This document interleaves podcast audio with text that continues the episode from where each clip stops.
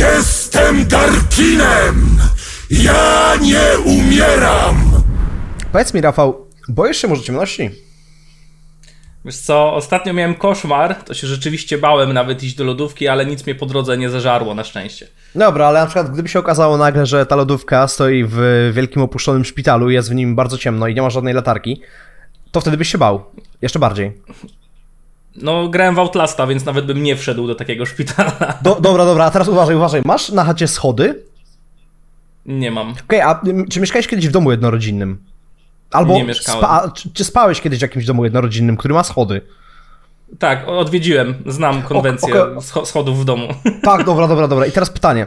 Czy miałeś kiedyś tak, że powiedzmy gasiłeś za sobą światło i miałeś potem wejść po schodach, ale biegłeś po tych schodach, bo miałeś jakieś takie dziwne, niepokojące uczucie, że za tobą jest bardzo ciemno i w sumie to chcesz się jak najwyżej, jak najszybciej znaleźć na górze? Na górze? Miałeś coś takiego? No nie miałem, nie miałem. Dziwna akcja, szczerze mówiąc, ja miałem. I ogólnie znam kilka osób, które miały totalnie to samo uczucie. Jest też szansa, że mam nierówno pod sufitem, ale powiem tak. Ludność Runterry przez jakiś czas permanentnie żyła w takim strachu, że musiała faktycznie biegać po tych schodach, bo coś ich... y, myśleli, że coś ich goni i faktycznie ich w sumie goniło. Będziemy mówili, drodzy słuchacze, o najciemniejszych czasach y, w Narunterze właśnie, w historii League of Legends. Będziemy mówili o najmroczniejszych zakątkach przede wszystkim historii, która, której raczej nikt pamiętać by nie chciał. Witam was wszystkich bardzo serdecznie, oczywiście kolejny odcinek Lorcastu, z tej strony Mikołaj Iwan Sinacki oraz... Marwek, witam, hej. I mówiąc o mrocznych czasach, będzie trzeba powiedzieć o Darkinach, będzie trzeba powiedzieć o Mordekaiserze, będzie trzeba powiedzieć o wojnie Darkinów. Na pewno tematy, które nie są przyjemne, zakładając, że ludzie, którzy kiedyś mieszkali na Runterze, faktycznie istnieli, ale z naszej perspektywy na pewno ciekawy kawałek historii, ze względu na to, że wielu bohaterów tam ma swoje mm, początki po prostu. Znaczy ogólnie nie wiem, czy zwróciłeś na to uwagę, ale historia Runtery, pomimo tego, że patrząc na postacie takie jak Serafin czy Yumi, to jest raczej z tych mroczniejszych. To prawda, y, wiesz, y, nawet teraz patrząc na niedawno e, zapowiedziany, raczej na niedawno pojawiony się, jasny gwint, ale polski język jest trudny, na trailer, który niedawno się pojawił e, z Arkane. Oczywiście tak, nagrywamy to e, z lekkim wyprzedzeniem, więc dla was ten trailer Arkane pojawił się już jakiś czas temu, ale nawet tam patrząc na chociażby sam e, powiedzmy świat przedstawiony, ten world building w wypadku Zone, czy też tego, co się znajduje pod nim, no raczej mroczniejsze kolory. Dosłownie, jest mroczno i będzie mroczno pewnie. Ale A to historia aktualna Tak, jest, tak, a tak, nie tak, tak. tysiące lat wcześniej. wtedy, wtedy wydaje mi się, że przydałaby się każdemu latarka. Ale problem polega na tym, że faktycznie nie mówimy nawet o tym, że było tak ciemno, ciemno. Ale Darkini panowali wtedy na świecie. Marwek, y, w poprzednich odcinkach rozmawialiśmy o Shurimie, z której teoretycznie Darkini się wywodzą, no ale, ale jak to działało? Musisz o tym No, opowiedzieć. większość można powiedzieć, większość można powiedzieć. No, Darkini to taki temat, który graczy raczej interesuje, bo to jest dość ciekawy koncept yy, w fabule League of Legends. No bo Darkini kiedyś to można było ich bardziej przyrównać do demonów, teraz wiemy, że to są, że demony, a Darkini to jest zupełnie co innego. I Darkin, jak widzimy Darkina, to widzimy takiego wojownika, który jest w takiej ciemnej zbroi, raczej, znaczy przywdziewa taką ciemną zbroję, raczej nie ma dobrych, do, dobrych zamiarów, ocieka tam krwią i tak dalej. tak, tak. No i wygląda, wygląda strasznie. Ale kim są Darkini? No Darkini to są takie postacie, które kiedyś były wyniesionymi, tak jak na przykład Nasus i Renekton, ale z kilku powodów tymi wyniesionymi już e, nie są. W poprzednim odcinku Lorcastu mówiliśmy właśnie z Sylvanem o tym, jak to Imperium Shurimy, no jak, jak to Azir, czy, czy bardziej Zerat przyczynił się, czy incydent między tymi dwoma bohaterami przyczynił się do, do zakończenia e, świetności tego, tego Imperium. No i to był jeden z powodów, tak? Nie było takiego głównego, można powiedzieć, przewodnika dla tego narodu. I, i zrodzeni ze słońca, ze słońca, przepraszam, czy wyniesieni wojownicy nie mieli takiego kogoś, za kim mogli podążać. Mogliby w sumie podążać za Nasusem, ale ten, jak również mówiliśmy w poprzednim odcinku, był za bardzo, za bardzo czuł się winny temu, co stało się z Renektonem i później temu, co, co stało się y, z Shurimą. Więc nie mieli po prostu celu bez, bez tego cesarza. E, do tego jeszcze problem był taki, że pomimo tego, że określa się ich jako boscy wojownicy, to nadal byli ludzie i zaczęli nimi targać pewnego rodzaju ludzkie emocje. Oni dążyli do swoich jakichś tam konkretnych ambicji. Niektórzy mhm. chcieli zebrać jakąś armię, niektórzy chcieli y, stać się, nie wiem, królami świata, a niektórzy mieli jeszcze zupełnie, zupełnie inne, inne cele, jak na przykład Atrox, który co ciekawe chce zebrać, e, chce brać udział w armii, która zakończy jego żywot, e, przepraszam, w bitwie, która zakończy jego żywot, ale o Atroxie jeszcze e, później, później sobie powiemy. No i po zakończeniu panowania, jakby można powiedzieć, szurimańskiego w około, szurimańskiego w około 2000 lat przed, przed Noxusem, Niby jakiś tam pokój między tymi wyniesionymi e, był, no ale później, e, później, później oni zaczęli się też zmieniać, zaczęli praktykować różne rodzaje magii, między innymi hemomancję, czyli magię, która pozwalała kształtować ich, e, ich własne ciała w, w sposób, w jaki sobie po prostu wymarzyli i stali się takim cieniem, taką można powiedzieć mroczną karykaturą tego, Y, czym byli wcześniej. I tutaj, to, tutaj się wetnę, tutaj się mhm. na chwileczkę. Y, prosta sprawa, hemomancja, hemoglobina, te sprawy, oczywiście hemomancja, magia krwi i to was już może poniekąd naprowadzić, z kim skojarzyć też przy okazji e, ten typ magii, ale proszę kontynuuj, Marwek. Dokładnie. No i jeszcze jest taka kwestia, że oni oczywiście się zmienili ze względu na to, że e, mieli doświadczenia z pustką, zamykali wyłomy pustki, walczyli wikatki, walczyli we wschodnim oceanie, bodaj, e, pojawił się we wschodnim oceanie wyłom pustki, w który też musiał być zamknięty. Tam, no to już nieważne, tam w sumie zginęło 7 tysięcy wojowników, dwóch wyniesionych przeżyło. A nieważne, ale, no, no, nieważne, nieważne. 7 tysięcy, proszę was, co to są za liczby w ogóle? To... No tam dla armii Shurimy to nie była jakaś to taka prawda, największa prawda. strata, jaką można sobie, e, sobie, sobie wymyślić. No i różnica między wyniesionym a Darkinem jest taka, no że Darkin się zmienił. Stał się takim hmm. tworem, który jest targany ludzkimi emocjami, e, był wcześniej wyniesionym. Znaczy, technicznie rzecz biorąc, można powiedzieć, że każdy Darkin jest wyniesionym, ale nie każdy wyniesiony jest Darkinem. Po prostu tak można to uprościć. Dobrze powiedziałem, czy się pomyliłem? Poniekąd tak. Tutaj wydaje mi się, co najbardziej może ludzi naprowadzić, to fakt, że Darkin w takim języku starożytnym szurymiańskim to jest uściślone w lore, to nie jest tak, że sobie to wymyśliliśmy, jakby co. E, oznacza upadły, po prostu. Więc sami możecie gdzieś tam to mniej więcej opisuje w idealny sposób, e, w jaki sposób Darkini się narodzili. Także to nie jest tak, że Darkin powstał stricte z czegokolwiek. Inaczej, to nie jest tak, że Darkin powstał z niczego. Darkin to są zwykle istoty, które wcześniej po prostu nie były złe i nagle coś stało się i w tym wypadku stała się pustka, co doprowadziło do ich upadku.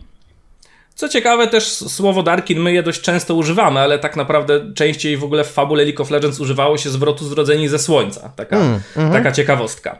Ale gadamy tutaj o Darkinach, gadamy o Darkinach. Wiemy oczywiście, że Darkini są w grze. Nie ma ich dużo. Silvan, jacy są Darkini? Wywołuję cię do tablicy proszę wziąć kredę i napisać ładnie.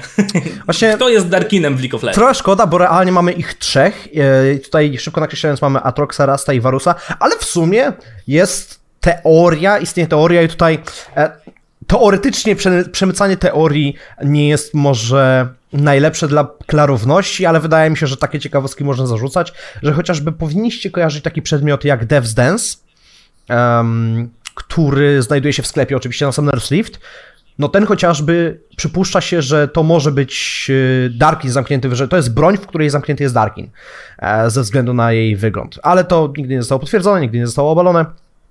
Więc raczej strefa domysłów. Tak też zakładamy wprost, że mamy, znaczy wiemy, że mamy trzech Darkinów, tych, których wymieniłem wcześniej. I wspomniałeś chociażby o hemomancji, w rzeczywistości każdy z Darkinów poniekąd musiał tej hemomancji bardziej czy mniej używać i tutaj chciałbym zwrócić waszą uwagę, że to jest miejsce, gdzie gameplay rzeczywiście łączy się z lore, gdzie tak, Atrox, no wiadomo, kradnie życie, e, jego ultimate często był zmieniany, czy to wzmacniał jego efekty leczące, czy też sprawiał, że się może odrodzić. E, Rast na przykład, to jest jedna oczywiście z dwóch ewolucji Kane'a, który e, też przy okazji więcej się leczy, szczególnie na swojej umiejętności specjalnej, kiedy wyjdzie z przeciwnika, a Varus, tutaj na przykład ktoś by się mógł zastanowić, że Varus przecież nie ma takich stricte jakby sposobów na leczenie się, ale warto zaznaczyć, że jego umiejętności operują e, krwią i na przykład ją zatruwają, e, powiedzmy corrupting, e, jak, jak to przetłumaczyć ładnie na polski, Marwek? Korupcja. No koru...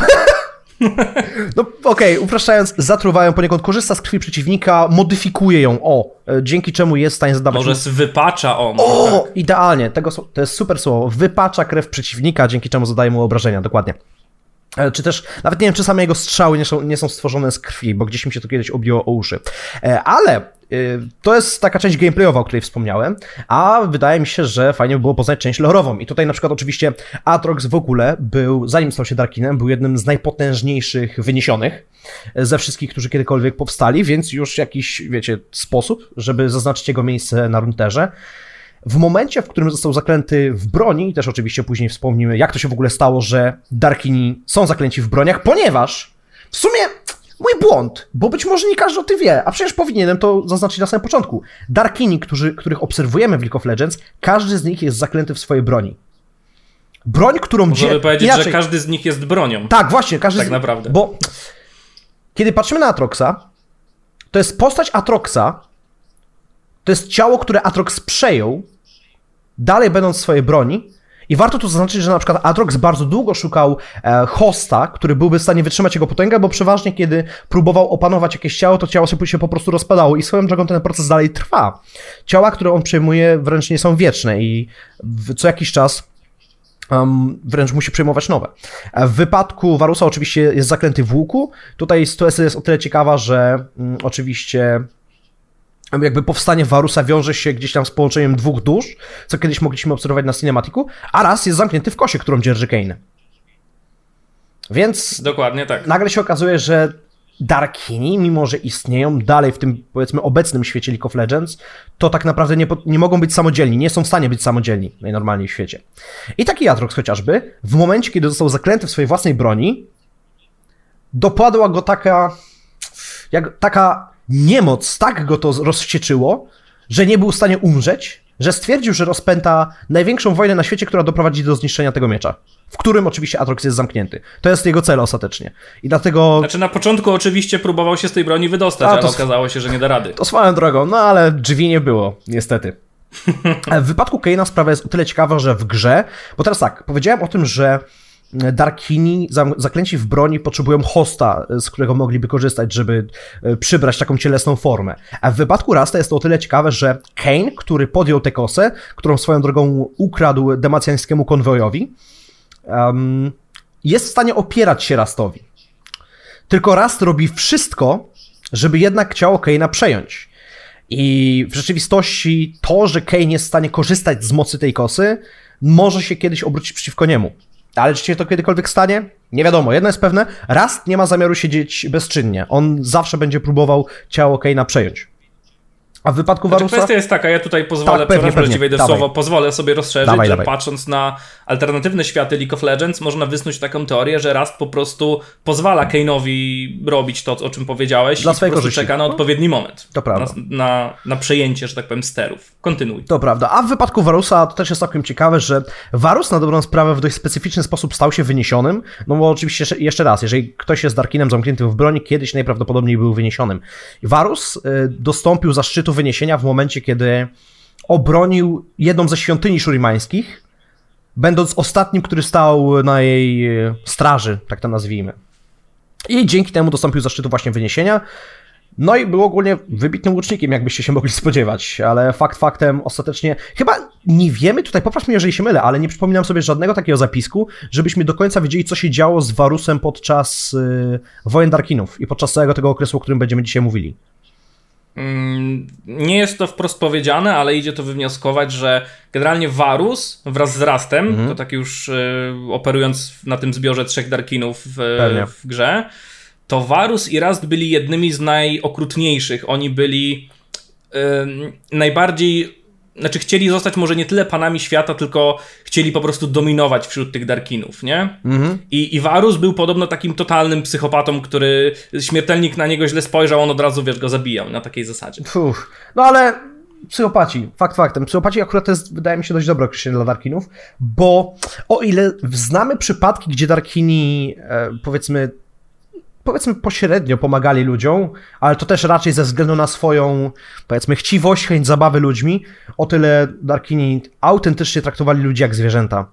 się Mhm, Darkini po prostu tworzyli sobie armię z ludzi, zupełnie ich nie obchodził ich żywot i ej, pyskowałeś? Już się nie było na miejscu. W wypadku Warusa też warto zaznaczyć, że po, zakl- po byciu zaklętym w swoim łuku został powiedzmy zakopany w jaskini. I to swoją drogą z dość istotną postacią, która nie jest jeszcze w wypadku lore rozszerzona, ale możemy się spodziewać, kim ona była. W lore jest opisane, że była to wojowniczka, wielka królowa wojowniczka w złotej zbroi. Ale to za daleko teraz polecieliśmy trochę. Mówisz? Że... Tak mi się wydaje, bo o tym będziemy mówić jeszcze. Dobra, ale to w takim razie, no, to spoko, spoko. To już, za, to powiedzmy, zajawiłem, zajawiłem. To tutaj wyznaczmy granice, powiedzieliśmy tak, tak, kim tak. są Darkini, ty wymieniłeś ładnie trójkę A to Darkinów. czekaj, to jedną rzecz tylko, tak to jedną rzecz, Okej, bo okej. ludzie czytają, nie czytają historii, ale jak ja to przeczytałem, to e, tak bardzo się zdziwiłem, że... Bo teraz tak, kiedy myślimy o Darkinach, myślimy Shurima. Albo, no powiedzmy jeszcze jakiś Isztal, no coś w tym stylu, co nie? A powiedzmy ten jeden konkretny, to jedno konkretne miejsce na mapie. Nie myślimy na przykład o Freljordzie. Uwaga! Yy, plemię Tryndamera, które swoją drogą już nie jest plemieniem. Nie wiem, dobra, szczerze powiem to, no plemię Tryndamera zostało wybite. Bardzo, znaczy osłabione bardzo mocno. Przez kogo? Przez Atroxa. Dlaczego? Teraz uwaga. Plemię Tryndamera wyznawało takiego bog, boga dzika, z tego co pamiętam, to było określone. I w pewnym momencie Atrox pojawił się... Żelaznego dzika. Żelaznego dokładnie. dzika, o. Bo to był Ironborn, no. Tak, i w pewnym momencie Atrox pojawił się w wiosce Tryndamera i ludzie byli święcie przekonani, że ta postać z rogami to jest jakieś uosobienie właśnie tego ich żelaznego dzika. Ty, no powiem wam, zdziwili się w momencie, kiedy Atrox zaczął ich osłabiać, tudzież zabijać. E, ogólnie ciekawa sprawa, Tryndamer ma gigakosę z Atroxem, nie? Tak lorowo po prostu, więc powiedzmy, że jest wiele postaci, o których jeszcze się dzisiaj dowiecie, które mają z Atroxem mocno na pieńku i nie bez powodu Atrox ma przydomek y, Niszczyciel Światów. Znaczy jego ultimate w sumie nazywa się y, World Ender, nie? W ten sposób. Mhm, Ale dobra, bo ja bym, już, ja bym już za bardzo chciał chyba, ja bym już za bardzo chciał. E, Marwek. To ja tutaj tylko rozszerzę, bo ty prawdopodobnie tego nie wiesz. O, Zdajesz sobie dobra, sprawę, dawaj. że ten incydent we Freljordzie z Tryndamerem, jego barbarzyńcami i Atroxem to jest czyste nawiązanie do starego, już niekanonicznego lore League of Legends? Nie Bo wiem. Atrox, nie wiem czy wiesz, Atrox był taką postacią legendarną, która pojawiała się na przestrzeni setek, tysięcy lat w różnych bitwach i on był Tak, takim... bo on był wojną. On był wojną dosłownie. Tak, Tak, tak, tak. tak, tak, tak, tak, tak, tak. Tak, no to okej, wiedziałeś o tym. Znaczy, nie wiedziałem w sumie, że to jest nawiązaniem. Po prostu założyłem, że Atrox, który przemierza świat w celu wywołania ogromnej wojny, prędzej czy później to ma sens, żeby się zapuścił do Freljordu. A wydaje mi się, że jeżeli ktoś nie czytał historii Tryndamera, to może być trochę zastanawiające. Inaczej, zaskakujące. O. No, w ten sposób. Okej. I tą legendę odkrywał Ezreal w starym lore, Mm, tak rzucę tylko ciekawostką. Dobrze, kontynuuj. No, że wydaje mi się, że ja już niewiele tutaj mogę kontynuować. Wydaje mi się, Marwek, że w wypadku tych trzech nakreśliliśmy trochę ich sylwetki, podkreśliliśmy, czym się charakteryzują, podkreśliliśmy, z czego się biorą i że to realnie ich postacie nie są w sumie stricte ich postaciami, tylko powiedzmy zmodyfikowanymi mm, wizjami samych siebie, gdzie ich jaźń jest zaklęta w broni. Wydaje mi się, że teraz trzeba powiedzieć o okresie, o którym już e, wspominaliśmy, w sumie od samego początku przewija się w naszych wypowiedziach, czyli wojnie Darkinów. Czyli rozumiem, że oddajesz mi pałeczkę. Chyba tak. Biegnij, Marwek, biegnij w tej szafecie. Dobrze, dobrze. No to generalnie tak, Wojna Darkinów to jest taki okres, który nie do końca wiemy, jak go, jak go udatowa- udatowić. W sensie, jak go, gdzie go umieścić na, na osi czasu, może w ten sposób powiem. Ponieważ wiemy, że zakończenie trwania imperatora Azira czy całej Shurimy miało miejsce 2000 lat przed Noxusem, tak jak powiedziałem. Natomiast wojna Darkinów prawdopodobnie zakończyła się gdzieś koło 550 e, roku, więc około można powiedzieć 1500 lat ten okres trwał, ale nie był to cały, y, cały czas, gdzie, gdzie rzeczywiście ta wojna Darkinów miała miejsce, ponieważ tak jak wspomniałem na początku, oni żyli gdzieś tam w jakimś takim pokoju, nie do końca dogadanym i tak dalej, ale w końcu zaczęli między sobą prowadzić, y, prowadzić konflikty. No i te konflikty miały zasięg ogromny, praktycznie na, na cały znany świat y, Ligo Legendowy. Powiedziałeś o Freljordzie, wiadomo, y, Shurima, Valoran i do tego jeszcze, co ciekawe, nawet, i tutaj zaraz rozszerzymy tą hemomancję, nawet jeden z Darkinów pojawił się w Kamaworze, Uhu. czyli w miejscu, które nie jest w ogóle pokazane na mapie Ligo Legendowej i to jest miejsce, z którego pochodzi oczywiście Viego. E, I tam pojawił się jeden z Darkinów i podam ten przykład z racji tego, że on pokazuje w fajny sposób, jak Darkini działali. Wspominałeś o tym, że oni już traktowali e, ludzkość, czy też pomniejsze stworzenia. Myślę, że powiem, jak powiem, jak bydło, to nie będzie nawet to wyolbrzymione. Mhm. I on się tam pojawił, ten Darkin, który nie został nazwany. W ogóle on się pojawił w Kamaworze i zażądał od króla tego, żeby po prostu tą krainę E, znaczy, zażądał okupu, z tego co pamiętam, żeby tej krainy nie przejąć. Popraw mnie, jeżeli się mylę. Tak było, tak było. E, no i król oddał najmłodszego syna i był to Władimir, który no, gdzieś tam był sobie, e, w, że tak powiem, w takim kręgu tego, tego Darkina i po roku zabił swojego ojca, co ciekawe, i przyniósł głowę Darkinowi. I wtedy stał się takim, można powiedzieć, może nie awatarem, ale takim egzekutorem woli tego Darkina na pomniejszych istotach. No był jego ulubieńcem, no po prostu. Tak, i on w ogóle był pierwszym człowiekiem, który nauczył się tej magii krwi, czyli hemomancji. Mhm. I to jest magia, która polega na tym, że można sobie kształtować swoje ciało, o czym już wspomnieliśmy. I teraz, tak jak ty czasami rzucasz jakąś ciekawostkę, Dawaj. ja tylko powiem, bo starsi starzem gracze mogą tego nie kojarzyć, bo jak patrzymy na Wladimira, to on się raczej kojarzy z wampirem, prawda? Mhm. A tak naprawdę Wladimir, on nie pije krwi, tylko esencję życiową z tej krwi pobiera. Jest to drobna, ale, ale subtelna różnica. I to ten przykład pokazuje, że Darkini zbierali wokół siebie armię, całe narody i po prostu toczyli między sobą wojny. Tak naprawdę te narody nie były za bardzo potrzebne, no bo w obliczu potęgi Darkina tysiąc czy dwa tysiące śmiertelników nie stanowiło większej, większej różnicy. No ale wiadomo, oni też lubili być pławieni w komplementach, no ale nie wiem czy byli, pewnie nie wszyscy byli, ale część Darkinów była świadoma, że ci ludzie ich po prostu nienawidzą, ale nie byli w stanie ich, e, ich zabić, czy, czy w ogóle odesłać gdziekolwiek. No nie byli w stanie z nimi walczyć, gdyż upadły wyniesiony był po prostu zbyt, zbyt potężny. I jest ładnie powiedziane w lore, że wcześniej, y, tysiące lat, może nie tysiące, setki lat wcześniej powiem ładniej, to właśnie zrodzeni ze słońca, czyli wyniesieni, byli pewnego rodzaju mesjaszami. Może to nie jest dobre słowo, ale byli y, zbawcami, o, może w ten sposób. Byli zbawcami Runtery, ponieważ uratowali ją przed wyłamami pustki, o czym od jednym wyłomie Wikati już mówiliśmy w poprzednim odcinku, na który oczywiście Was z Sylwanem zapraszamy. Natomiast później przyczynili się prawie do całej zagłady znanego świata Ligo Legendowego. No i oczywiście wiemy, że ta wojna Darkinów się skończyła, bo jeżeli by się nie skończyła, no to większość postaci, że tak powiem, ta Kayumi to raczej by gdzieś tam czytała coś Atroxowi na dobranoc, niż, niż latała i szukała swojej pani. Ta wojna się wreszcie zakończyła. I stało się to uwięzieniem, y, stało się to poprzez uwięzienie Darkinów w ich własnych broniach. I teraz Sylwan, pamiętam, ja to za każdym razem będę to przywoływał, bo ty to na swoich podstawowych transmisjach podczas tak, tej tak serii? pięknie, tak, pięknie, pięknie opowiadałeś o tej myszy, jak tłumaczyłeś, nie pamiętam komu, że, że to jest Zoe, że to poprzedniczka i tak dalej, dlatego ja bym chciał tego jeszcze raz posłuchać. Jest, na przestrzeni tej serii chyba już czwarty raz o tym wspominasz swoją drogą, ale za każdym razem... No mi się to mega podobało. Bawi mnie to mega mi się to podobało. No, nie będę ukrywał. Dobra, siadajcie, siadajcie i róbcie notatki w tym momencie. Dobra, jak to, jak to przede wszystkim działa?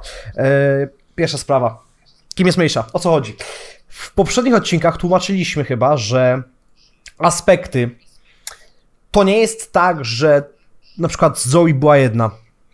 Aspekty mają swoich hostów, przeważnie. Bardzo rzadko zdarza się, żeby aspekt we własnej osobie zszedł na Runterrę i osobiście ingerował, zamiast na przykład komuś swoją moc użyczyć. W wypadku Diany na przykład i Leony to są postacie, które otrzymały moc aspektów. Nie są aspektami, otrzymały ich moc. W wypadku Panteona tutaj, jak tutaj zaczyna się powoli komplikować, bo Panteon jednocześnie i był aspektem, i nie był aspektem, i miał moc aspektu. Chora akcja.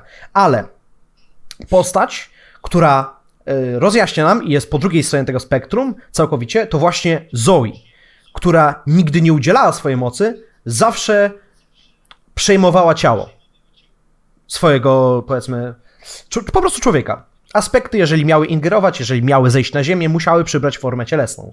I w tym wypadku mówimy o Mejszy, czyli o pierwszej e, postaci, o której wiemy przynajmniej, którą jesteśmy w stanie nazwać, która właśnie była aspektem zmierzchu na runterze. Zoe nauczyła ludzi, jak zamykać Darkinów w broniach.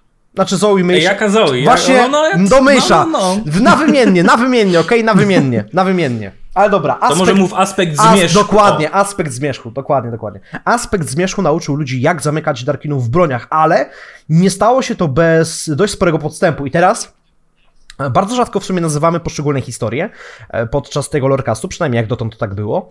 E, Mimo, że zachęcamy was do tego, żebyście sami czytali. Swoją drogą League of Legends Polska ostatnio wypuściło mm, audiobooki związa- opowiadające historie, te podstawowe historie bohaterów, bo tu warto też podkreślić, że bohaterowie mają oczywiście swoje podstawowe historie, ale istnieją też rozszerzo- y, opowiadania rozszerzające wszystkie te wątki. I No tak, te podstawowe, podstawowe biografie to jest około 35% historii tak, całego bohatera. tak, tak, tak, około. tak, tak, dokładnie. I teraz chyba... Prze- przeważnie, no chyba, że nazywasz się Twitch. O, albo kto? Jorik. W sumie Jorik ma bardzo krótkie.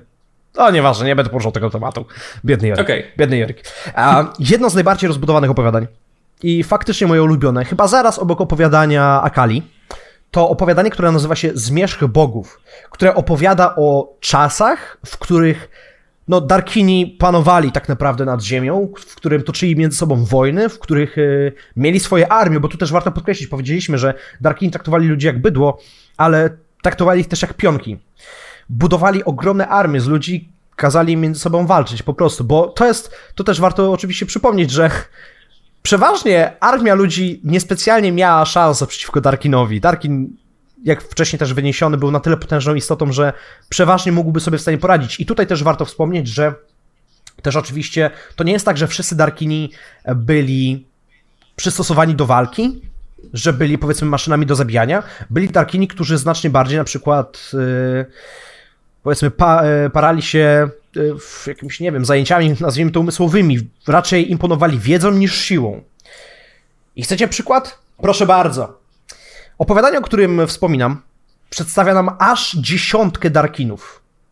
Nawet nie wiem, szczerze mówiąc, czy nie wspomina tam o więcej, ale dziesiątka Darkinów, e, o większej liczbie, ale dziesiątka Darkinów bierze bezpośrednio udział w wydarzeniach, które mają miejsce.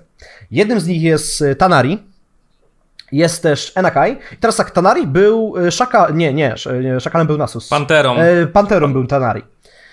E, Enakai, który był e, uosobieniem Tygrysa, bo też pamiętajmy, że wyniesieni, którzy potem stali się Darkinami, przybierali takie formy zwierzęce. E, Syfax, który był kameleonem. Zigantus, byk. Zujan, pewnie niektóre z te wymowy zaszlachtuje, ale Ksujan się pisze. Żółw, Szabaka i Szabakę, i to jest przykład Darkinów, którzy byli um, nie Wyniesieni i, i wspominaliśmy też o nich poprzednio, Tak, że oni tak, pomagali ten wyłom pustki, nie? Zamknąć. Dokładnie, to były, e, to jest rodzeństwo, krucze rodzeństwo, które zajmowało się przepowiadaniem przyszłości niż, bardziej niż walką, prawda? Walewa, o której nie wiemy co reprezentowała, wiemy tylko po prostu, że tam była Walewa, e, Cebotaru, który był wilkiem oraz Naganeka, wąż. Swoją drogą, tak bardzo chciałbym zobaczyć Darkina węża.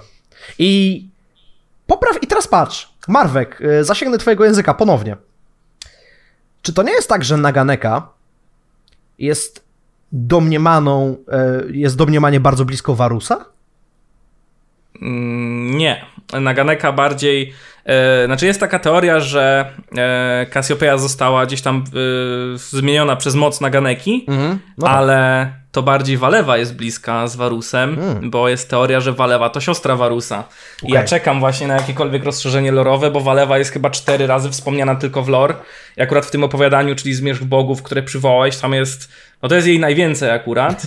Ale no ja jestem ciekawy, bo ona jest przedstawiana, nie wiadomo do końca czym ona jest, ale to jest przedstawiana jako kobieta, która ma y, białą cerę, ma kolce na ramieniach, y, na ramionach i do tego jeszcze tak ją gracze kreują, że to jest bohaterka, która ma cztery ręce. I ja po prostu... Jesz? To, to jest... y, Nie Nie, nie, nie. Y, Ale kobieta Darkin to jest coś, czego potrzebujemy w League of Legends. Riot proszę zrobić kobietę Darkina. Dokładnie. Tylko niech się nie leczy tyle co Atrox, prosimy. Ale niech leci się więcej. Fakt. Dzięki z góry. I teraz, ym, to co w tym I tylko jeszcze dodam, że, general, Dobra, że Varus w Shurimie poszukuje tej walewy. Tak, tak, tak, tak. tak. W ramach A ciekawości. to Walewa, a nie Naganek. Dobra, to faktycznie. Mhm. Yy, tylko teraz tak. To, co zrobiłem, nazywa się data dumping. Zrobiłem wam coś bardzo niekulturalnego. Zrzuciłem na was potężną dawkę informacji. Nie oczekuję od was, że nagle zapamiętacie imiona 10 różnych Darkinów, którzy później się praktycznie pojawiają w lore poza tym opowiadaniem.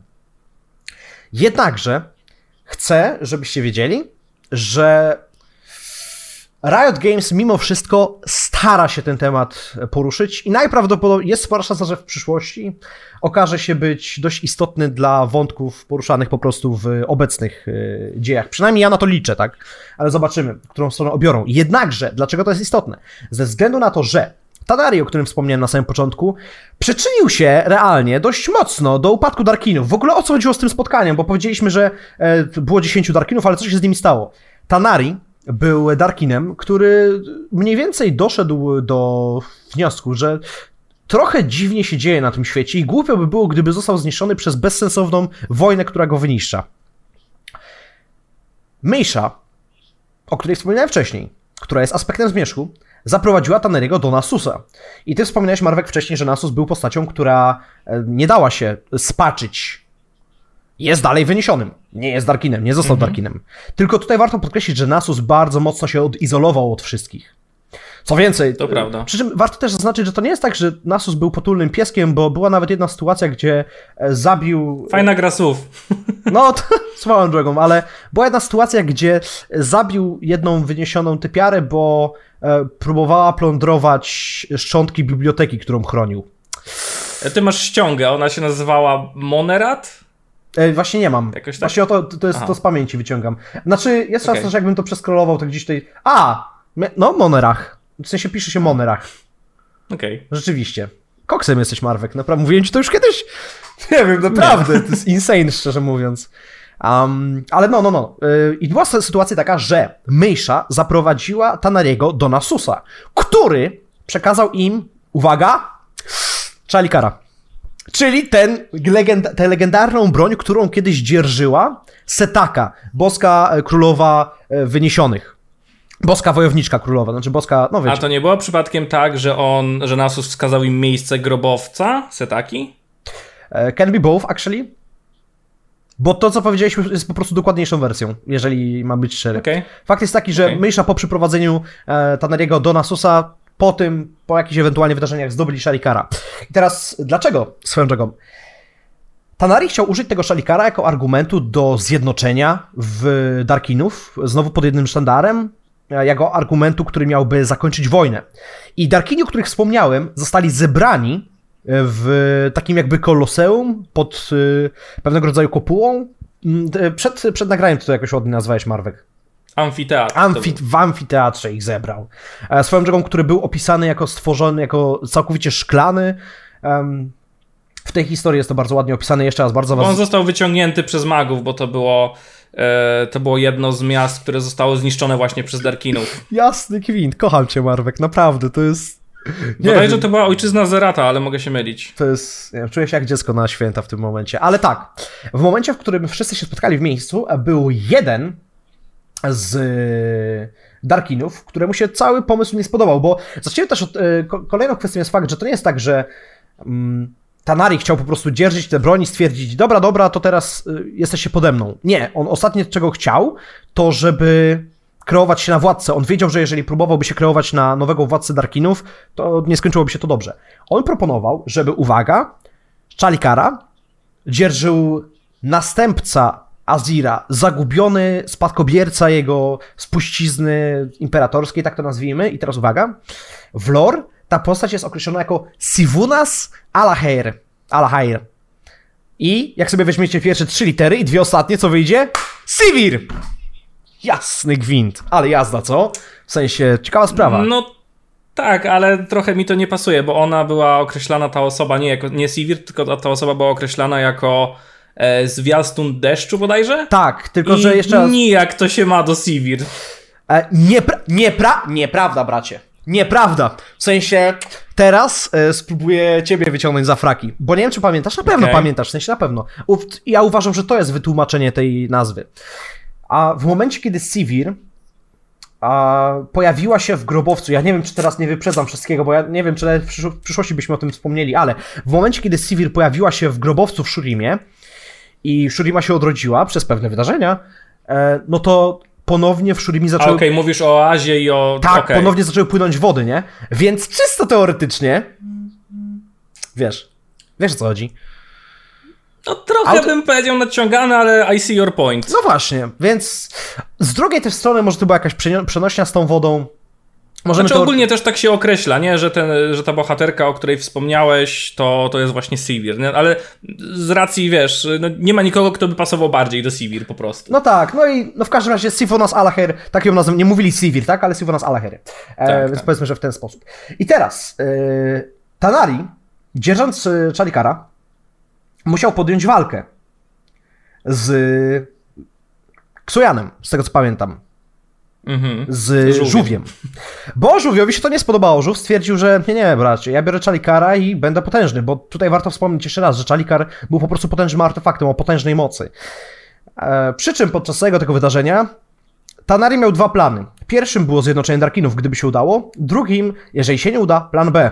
Zabicie tych Darkinów. I jak? Jak mogło do tego dojść? Głównie dlatego, że pomagał mu aspekt zmierzchu.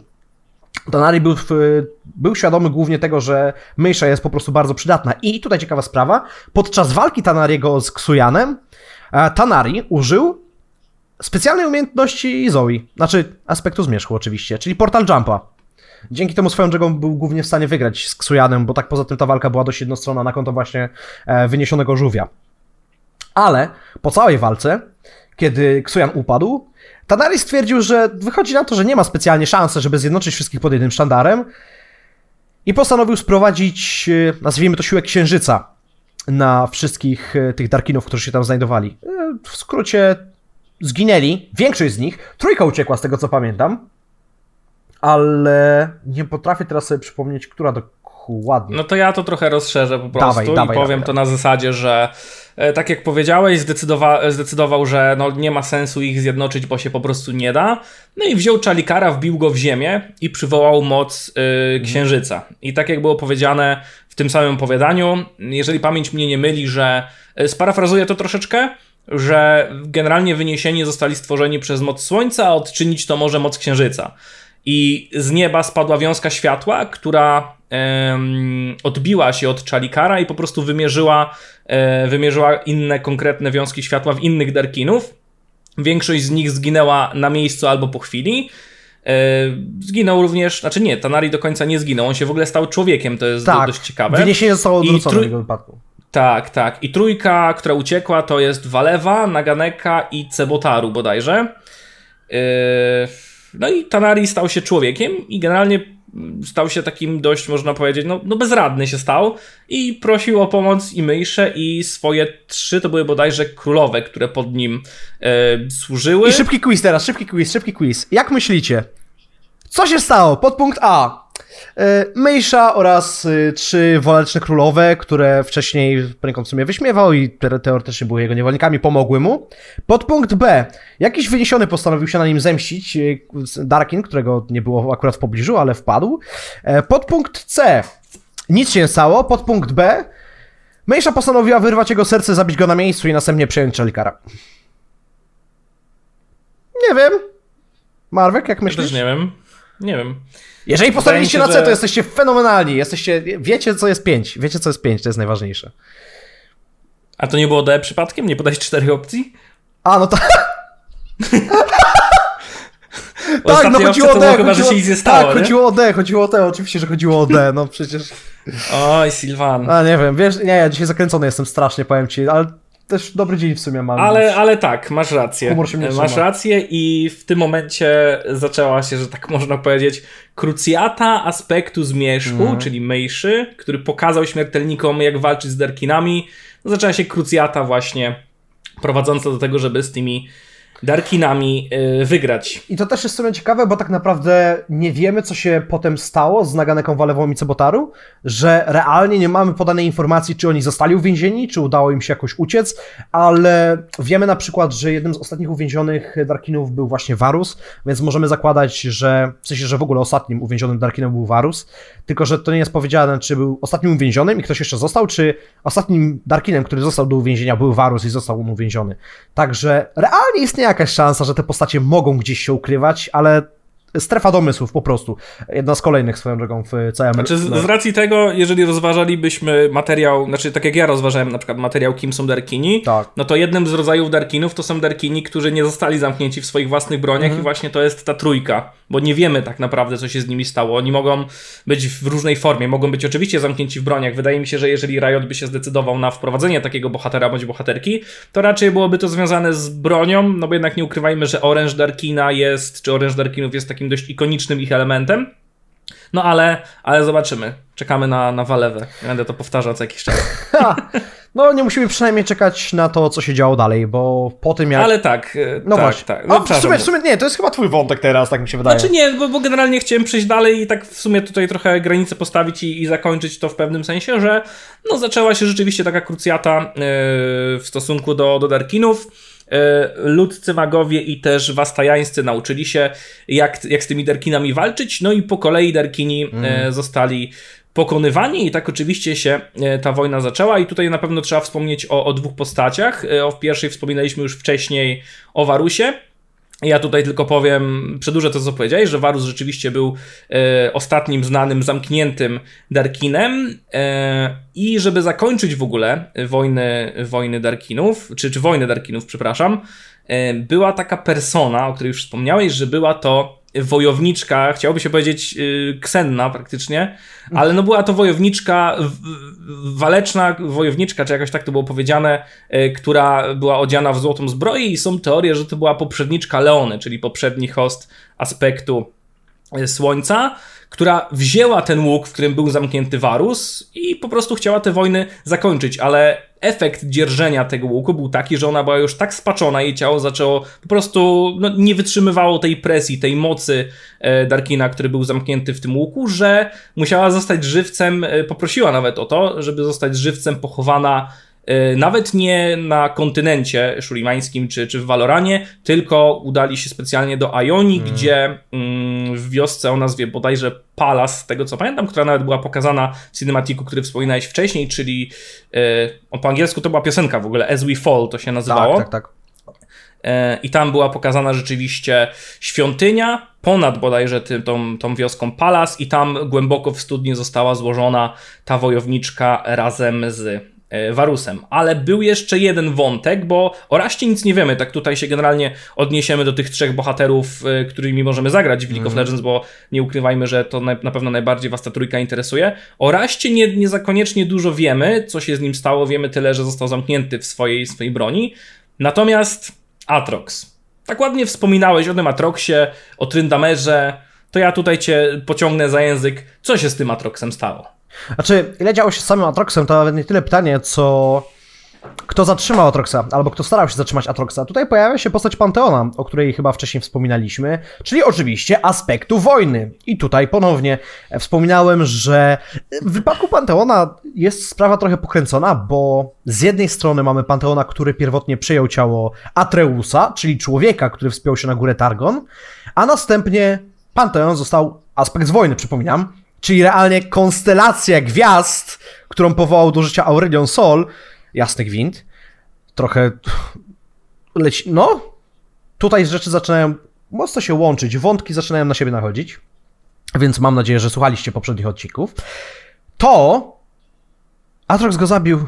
Atrox zabił konstelację gwiazd, Atrox był w stanie zabić aspekt wojny, to tylko pokazuje, jak potężni byli Darkini. Ja chcę, chcę przypomnieć, że mamy w tym momencie taki ciekawy łańcuch, w którym to teoretycznie Aurelion Sol stworzył aspekty, aspekty teoretycznie stworzyły wyniesionych, z wyniesionych powstali Darkini, kończy się na tym, że Darkini są w stanie zabić aspekty, to jest, no, jabłko nie da... A skradziona magia Aureliona stworzyła wyniesionych. Tak, tak, tak, tak, tak, tak, tak, tak, tak, oczywiście.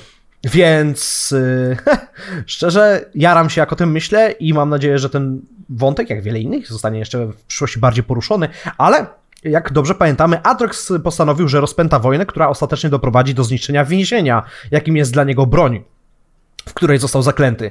I przez to, przemierzając cały świat, no prędzej czy później musiał się pewnie napotkać na kogoś takiego jak Panteon. Sęk w tym, że Panteon był, wychodzi z historii na to, że bardzo zadufanym w sobie aspektem, który stwierdził, że tylko on sobie może ze wszystkim poradzić. I warto podkreślić akurat, że Panteon w ogóle wypowiedział wojnę Darkinom. Tak, Panteon przejął ciało Atreusa po to, żeby polować na Darkinów. Nie wiemy, ile upolował, nie wiemy, czy jakikolwiek upolował, wiemy tylko, że upadł w walce z Atroxem.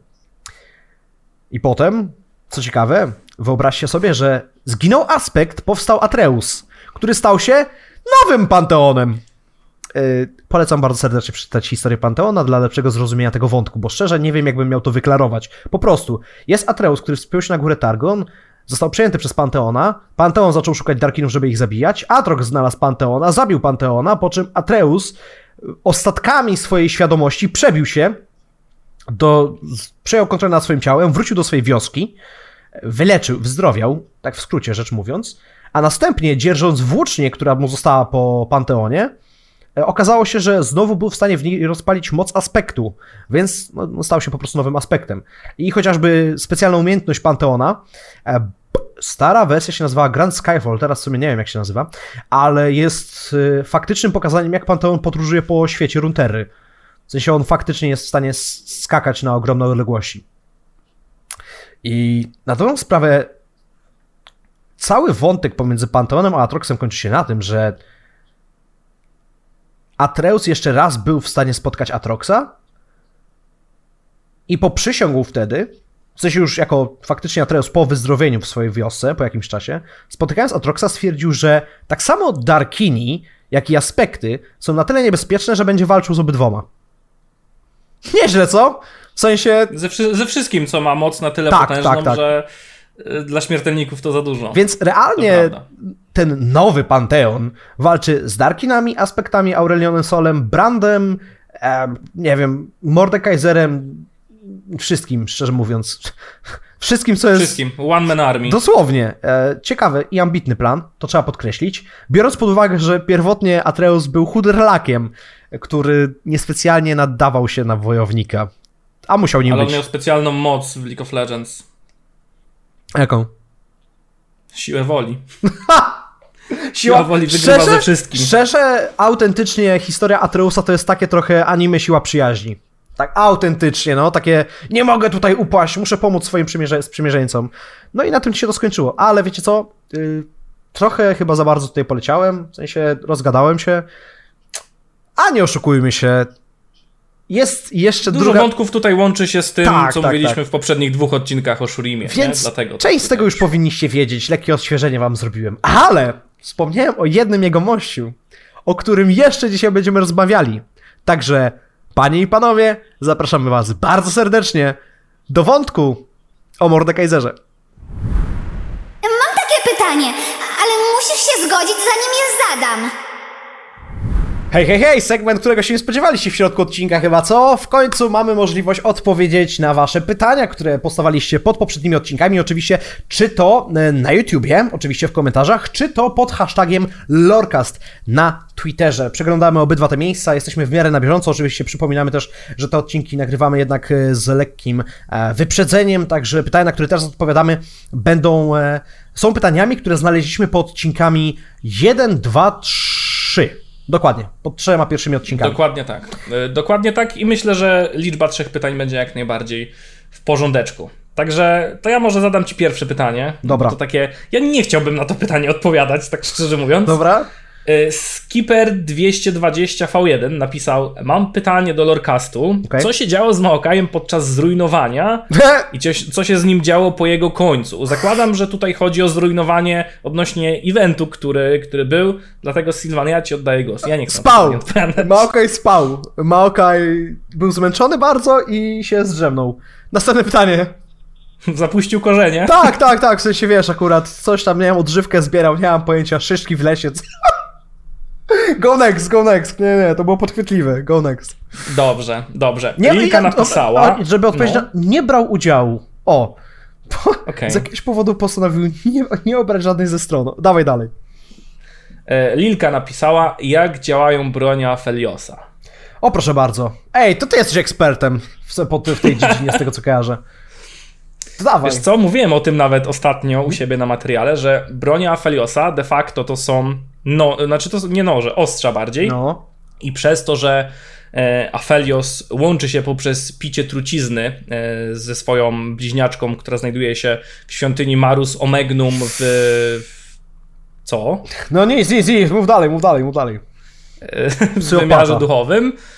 E, w wymiarze duchowym e, jest w stanie wtłaczać e, jakby moc tego świata duchowego w bronię Afeliosa. To jest dokładnie moc księżyca i przez to Aphelios stał się, on bodajże nawet ma tytuł broń wiernych, prawda, w, w, w League of Legends i te ostrza zamieniają się w groźne bronie. Tylko nie zamieniają się one tak, ponieważ również przywołam po raz kolejny karciankę Legends of Runeterra. Tam są widoczne bronie Afeliosa, ale nie wszystkie. I to nie do końca są bronie Afeliosa, tylko to są kosmiczne byty, z których y, jakby Alun czerpie moc. Po prostu wpłacza, wtłacza, przepraszam, moc tych kosmicznych bytów w bronie Afeliosa. Dlatego moim zdaniem arsenał Afeliosa jest jednym z najpotężniejszych arsenałów y, militarnych, jakie są w ogóle w League of Legends. Nieźle. Myślę, że myślę, że dobrze. Odpowiedzi na pytanie? Odpowiedziałem, o co chodzi. Odpowiedzi na pytanie? Nie, nic bardziej mylnego. To jest kolejny odcinek Lorcast. Dawaj dalej, dawaj trzecie pytanie, dawaj trzecie pytanie.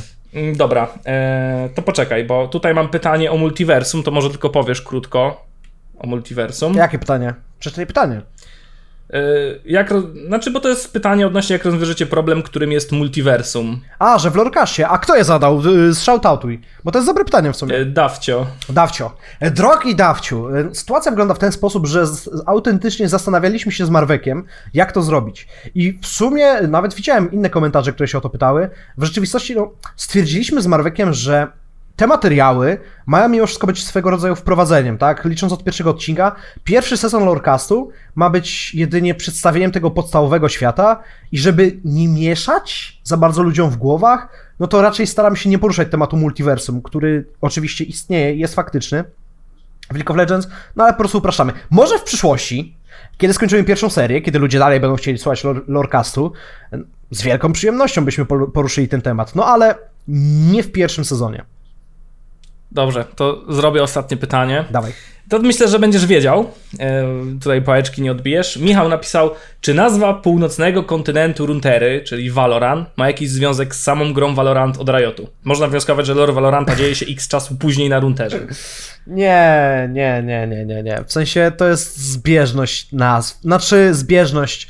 A warto zauważyć, że postacie z Valoranta mają wspólne cechy z niektórymi postaciami. Z Lola, na przykład Phoenix, to jest autentycznie taki eko, um, Jet, Akali, bardzo mocno się kojarzy z Akali, Sowa, no to męska wersja Ash, więc jakby te, jakby Dobrze, Silvan, ja to trochę rozszerzę, bo ja w lore Valoranta też umiem trochę. No dobra, no. Znaczy trochę, umiem w lore Valoranta. No ale nie jest, no nie, no nie jest, no w sensie dosyłam, jakby są podobieństwa, to jest, oczywiście, że tak, widać je w pewnym stopniu, ale nie, to nie za To są bardziej nawiązania, wiesz, między Tak, tak, postaciami, tak, tak. ale kwestia jest taka, że, że Valorant nie, to Referenc, jest to zupełnie jest- inne uni...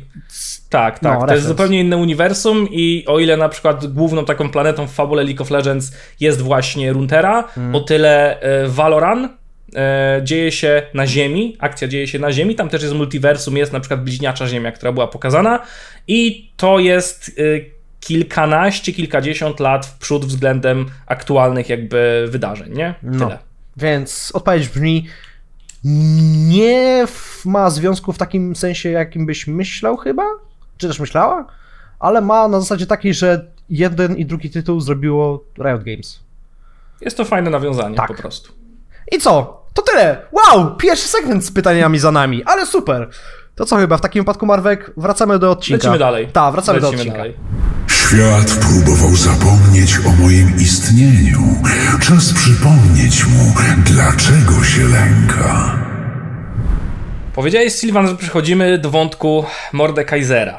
Powiedz mi, e, jeżeli mamy przejść do wątku Mordekaisera, to tak naprawdę nie przechodzimy do wątku Mordekaisera, że tak powiem, przechodzimy, nie przechodzimy, tutaj tak e, nawiązuję do twojego Atreusa, Panteona, Panteon Atreus, Atreus Panteon, Tak. bo to takie trochę, no, no ciężkie to No, jest. zmieszane, zmieszane, tam miszmasz. E, Zmieszane, zmieszane. Tak, w, Ri- w Riot Games jest pewnie jedna osoba, która ogarnia tak naprawdę lore Panteona i tylko się tym zajmuje. Ale powiedziałeś, że robimy tutaj takie wprowadzenie, czy zaczynamy rozmawiać o Mordekaiserze.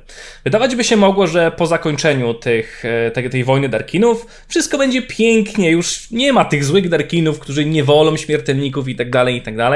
No okazuje się, że pojawiło się tutaj miejsce na kogoś nowego i około 150 lat później pojawił się jegomość nazywany, później nazywany Mordekaiserem, bo na początku nazywał się on jak Sylvan? Będziesz wiedział. E, San Uzal. Pięknie, Sanuzal. Pięknie. I to był człowiek, który e, żył, można powiedzieć, na terenach dzisiejszego Noxusu, gdzieś tam w okolicach Immortal Bastionu, o którym za moment sobie powiemy. I to był facet, który no, przewodził jakiemuś narodowi, jakiemuś plemieniu, który charakteryzował się oczywiście, ten, ten Sanuzal charakteryzował się tym, że e, miał takie zapędy, bardzo można powiedzieć, konfliktowo-militarne. Chciał po prostu zasłużyć się. Można nawet by to porównać, że może nie, że chciał być takim wojownikiem, który trafi do Walhali, ale chciał na pewno zasłużyć się w boju i chciał zasłużyć się jako przywódca silnego narodu, który będzie no, władał dużą ilością ziem i włości, Mhm. można tak powiedzieć.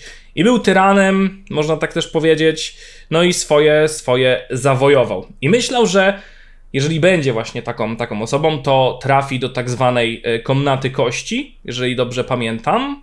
Wydaje mi się, że tak. e, Gdzie będzie mógł zasiąść przy stole razem ze swoimi przodkami. Będzie mógł godnie zasiąść i to tutaj mówię o, o życiu po śmierci, że to po prostu będzie dla niego nagroda. No ale tak się niestety nie stało. Smutno trochę dla chłopa, szczerze mówiąc, ale nie zawsze dostajemy to, czego chcemy. I najzabawniejsze jest to, że ewidentnie Mordekaiser po prostu wierzył w złą rzecz, na to wychodzi. Skończyło się na tym, że Mordekaiser trafił do czegoś, co było takim... e, I o tym wspominaliśmy w drugim odcinku, Marwek, e, raczej pamiętasz e, ten temat, że tych światów duchowych w League of Legends jest jakby parę wymiarów. Że Znaczy, świat... świat duchowy jest jeden, ale on jest podzielony na kilka miejsc. Tak, no. tak, tak, tak, tak. I Mordekaiser trafił do miejsca, które w języku angielskim nazywane jest The Veil, a po polsku, nie wiem, zasłona, nie wiem, czym jak się nazywa to, co... Za światy. No zaświaty teoretycznie, ale to były takie dość ponure zaświaty. Mianowicie, szczerze, no, gdybyśmy mieli to porównać do czegoś, co rozumiemy, to to było trochę takie limbo. No, no, szczerze, szczerze to było limbo. Przede wszystkim dlatego, że Mordekaiser oczywiście właśnie spodziewał się halikości, tak jak to określiłeś, że poniekąd takiej ichniejszych Walhali, skończyło się na tym, że trafił do miejsca, które było puste. W sensie było białą pustką, w której słyszał tylko... Nie mylić, że trafił do pustki. Tak. Nie o tą pustkę chodzi. Trafił do pustego miejsca po prostu, które. Tak. Do białego pustego miejsca, w którym słyszał jedynie szepty innych dusz, które się tam znajdowały, i jednocześnie widział powiedzmy ich cienie, ale nie mógł z nimi wchodzić w żadną interakcję.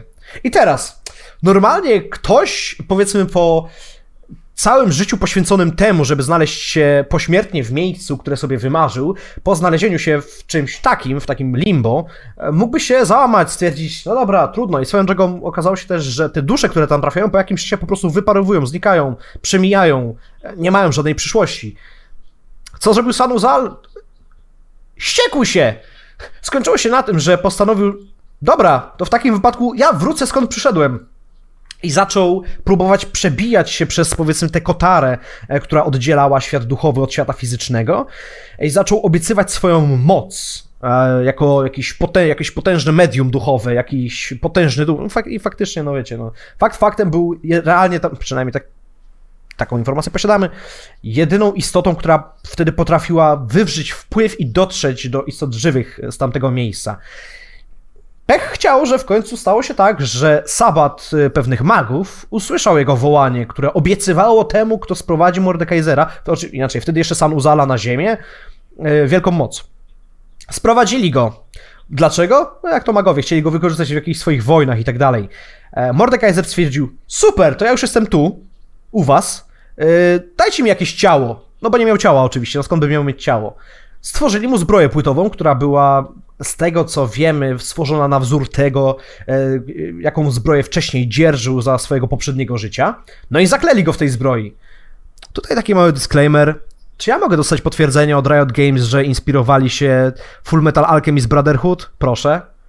Bo jakby to jest kropka w kropkę. Ten, ten, ja wiem, że nie trzeba być jakimś geniuszem, żeby wpaść na podobny pomysł, ale błagam, czy, czy mogę dostać potwierdzenie, że inspirowaliście się y, za, za, zaklęciem duszy w zbroi, bo nie daje mi to spać. Dziękuję.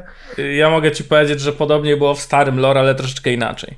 Czyli jest spora szansa. Będę się tego trzymał, daje mi to drive, chcę potwierdzenie. Nie zmienia to faktu, że tak jak powiedziałem wcześniej, magowie chcieli go użyć do swoich niecnych celów. Mordekaiser stwierdził, nie, nie, panowie, ja się tu nie przyszedłem bawić w jakieś wasze śmieszne gierki e, i brać udział w waszych nieznaczących wojnach. Ciekawostka! młot, który dzierży Mordekaiser, pochodzi, został stworzony z dusz magów, którzy go przyzwali. Czyli jak sami To nie jest młot, Siwa. To buława? jest maczuga. Maczu- No jak? Jaki młot? Do- Młot Orn ma co ty Dobra, dobra, dobra, dobra. Buława, młot, maczuga, zwał jak Klub zwał. po angielsku. Wielkie metalowe coś z kolcami. Swoją Tak. drogą, które się chyba nazywa Zemsta? Nie wiem jak się nazywa po polsku, wiem, że nazywa się Nightfall po angielsku. Jak się nazywa po angielsku? Zmrok chyba się nazywa. Zmrok. Zmrok, tak, zmrok, zmrok, zmrok. No po polsku. No i koniec końców e, możecie się domyślić w takim wypadku, co się stało z tymi magami. Tak, zabił ich. I zaczął swoje drugie panowanie na Ziemi, które tym razem było znacznie bardziej ambitne od poprzedniego, bo oczywiście wcześniej też chciał podbijać, e, plądrować. Różnica jest taka, że wcześniej było to podyktowane tą wizją zaświatów, którą miał. Obecnie zostało to poniekąd dla niego rozbite. Tak cała ta, powiedzmy, wiara, którą prowadził się przez całe życie, została rozbita w proch, więc stwierdził, zrobię swoje królestwo na ziemi. I zaczął tworzyć dość potężne budowle, jedną konkretną nawet, Marwek przejmij tutaj, bo w sumie już prowadzę dość długi monolog, a wydaje mi się, że to niemiłe. Yy, nie, no spoczko, mi to, mi to ten nie przeszkadza. Ja tutaj wchodzę, kiedy wiesz, kiedy mówisz, że Nightfall to jest młot. Dobra, ale no wszyscy... Dobra, no... Teraz będę ci to wypominał. Nightfall to, Tragedia, to jest młot. tragedia. Ale swoją drogą to jest ciekawe. Mordekaiser by się nadawał do jakiegoś e, programu kulinarnego. Bierzesz trzy dusze, czy kilka dusz magów. Nie wiem, czy to były trzy dusze. W sumie teraz tak wyprzedziłem. Nie, tych magów to jest, to jest sabat, to był sabat magów, tylko tyle wiemy. A Sabat to nie był tylko czarownic przypadkiem? Znaczy, Dobra, nie- nie utożsamiamy sta- Znaczy inaczej, no Coven. Coven to jest sabat. Dobra, nie, nie, nie, nie wchodźmy w to, Tak, bo to, tak, to, tak, to tak, jest tak. coś, co nie jest związane z tym, o czym mówimy. To chyba nie jest E, lore, no. Ale chciałby, chciałbym zobaczyć, jak e, z dusz magów zrobić maczugę. To tylko mo- proponuję skina Mordekaiser jakiś kuchenny i on tutaj jakoś wyjaśni, jak to, jak to zostało zrobione. W każdym razie mówiłeś o też o tej jego wierze, że został, no, że, że zawiódł się mega na tym, co Tak. się stało. Ja bym tutaj rozszerzył to, dlaczego tak się stało. Co jest też ciekawe, bo tutaj znowu wracamy do konceptu śmierci, który jest na tyle hardkorowy, że ja ogólnie nie chciałem go praktycznie w ogóle e, poruszać na łamach tego, tego podcastu. Bo, bo śmierć w League of Legends jest tak hardkorowa, że nawet nie wiem, czy ja sam ją do końca rozumiem. Ale dlaczego Mordekaiser trafił do tego pustego miejsca? No, nazwa Limbo bardzo mi się podoba, nazywajmy to Limbo. Ponieważ Mordekaiser, y, według wierzeń pod kątem śmierci, był poganinem. W sensie on nie wierzył w Kindred, czy po prostu w, pewną, w pewne uosobienie śmierci, które jest określane jako Kindred, ale też mają inne nazwy na runterze. Po prostu nie wierzył w tą śmierć, e, upro, upraszczając to, nie wierzył w Kindred, dlatego, e, dlatego nie trafił normalnie do świata duchowego, tylko trafił do miejsca, które było przeznaczone dla dusz, które w tych Kindred nie wierzyły. I to jest dość ciekawe, bo to kolejna taka cegiełka do tego, kurczę, jaka ta śmierć jest, jest poryta. No, ale to tak w ramach ciekawostki, bo mówiliśmy właśnie o tym też, że e, nie pamiętam, czy właśnie mówiliśmy. Chyba mówiliśmy, że e, dusze do świata duchowego trafiają po śmierci, a Mordekaiser trafił do świata duchowego, ale nie do końca do takiego, jak, jak to powinno być. Do innego pokoju trafił. To... Tak, tak, tak. Pomyli... Nie, nie w tą dziurkę wleciał. Mhm, Tak, ale powiedziałeś o tym, że Mordekaiser wrócił, no i stworzył Immortal Bastion. I dlaczego stworzył Immortal Bastion? Wiele osób myślało, że to jest po prostu jego twierdza, jego siedziba, ale prawda jest taka, że on był bardzo głodny wiedzy. On zbierał wiedzę o wymiarach, o śmierci, Tak. o nekromancji i był tej wiedzy jak najbardziej e, głodny. Oczywiście poszerzał swoje terytorium, dalej prowadził, e, dalej prowadził wojny, dalej prowadził konflikty. Mm, prowadził je około przez, przez kolejne 300 lat. I nie żebyśmy wiedzieli jakoś e, dużo o tym, o tym czasie, ale wiemy coś, co jest na pewno bardzo ważne dla graczy, którzy lubią grać na midzie i którzy lubią grać takim małym gościem, który na początku nie robi za dużo, ale jak tam farmi 200 pasywki, to ściąga cię na jedną umiejętność. Mówię tutaj o Veigarze, który z Pendle City oczywiście udał się na Runterę i zafascynował się, bo on się też łączy swoją drogą z wojną e, Darkinów, zafascynował się E, znaczy on dołączył generalnie do takiego klanu magów, myślę, że w ten sposób powiem, którzy interesowali się e, magią. To była bodajże magia, która. E, to była magia księżyca? Bodajże? magia astral. Czy jakiś odłam. Mag- astral. tak, A po, przepraszam, tak, masz gwiezdna, rację. no. Po prostu gwiezdną magią się Tak, interesował. tak, tak. Dobrze, pięknie. Tak, masz rację. E, I przystał do tych magów, no i na nieszczęście nie byli to magowie bitewni, dlatego jak Mordekaiser ich spotkał, no, dla nich na nieszczęście ich spotkał, to stwierdził, że są bezużyteczni. No i zaczął ich po prostu wybijać. Natomiast spojrzał na Weigara i stwierdził, kurczę, ten mały, ten mały gałgan, wtedy jeszcze nie fioletowy, z tego co pamiętam, no dojrzał w nim coś złego. I dlatego zabił wszystkich magów, ale jego zostawił. Czy przede wszystkim No Mordekaiser po prostu był świadomy istnienia Jordli, wiedział, że ten jest Jordlem i wiedział, że Mhm. Jordle mają potencjał, żeby się mu przydać najnormalniej w świecie. Tak, wiedział, że magia y, Jordlów jest po prostu wyjątkowa. Tak. I dlatego wykorzystywał y, Weigara nie tylko, żeby rzucał jakieś tam czary, które miały po prostu, nie wiem, zabijać, mordować czy niszczyć, ale również sam wzmacniał y, Mordekaisera. Co jest ważne, wiemy, że można uznać Mordekaisera za takiego pana umarłych, co jest też ciekawe, w jego też był wzmacniany przez magię Vex. Także widzimy tutaj być może jakieś nawiązanie zrobione przez Riot Games, że dwóch panów śmierci, których pojedynek ja bym bardzo chciał kiedyś zobaczyć, y, było wzmacnianych przez magię Jordli. No ale Veigar jeszcze był świadkiem, czy bardziej był ofiarą czegoś innego. Był ofiarą tego, że jego charakter, jego, jego umysł zaczął się troszeczkę wypaczać, bo po pierwsze Mordekaiser y, uwięził go w taki sposób, że Veigar nie mógł wrócić do, do świata duchowego, do Bendel City, co w jego historii jest powiedziane, że to jest największa tortura dla Jordla i przez lata, gdzie Jordl musiał rzucać te wszystkie czary, o których wspominałem wcześniej, zaczął, wypaczył się na tyle, że zaczął sam siebie uznawać i większość osób zaczęło go uznawać wokół za no po prostu złego bohatera, ale nie do końca jest zły. E, Nie, nie został spaczony przez Mordekaisera w sensie- 100%.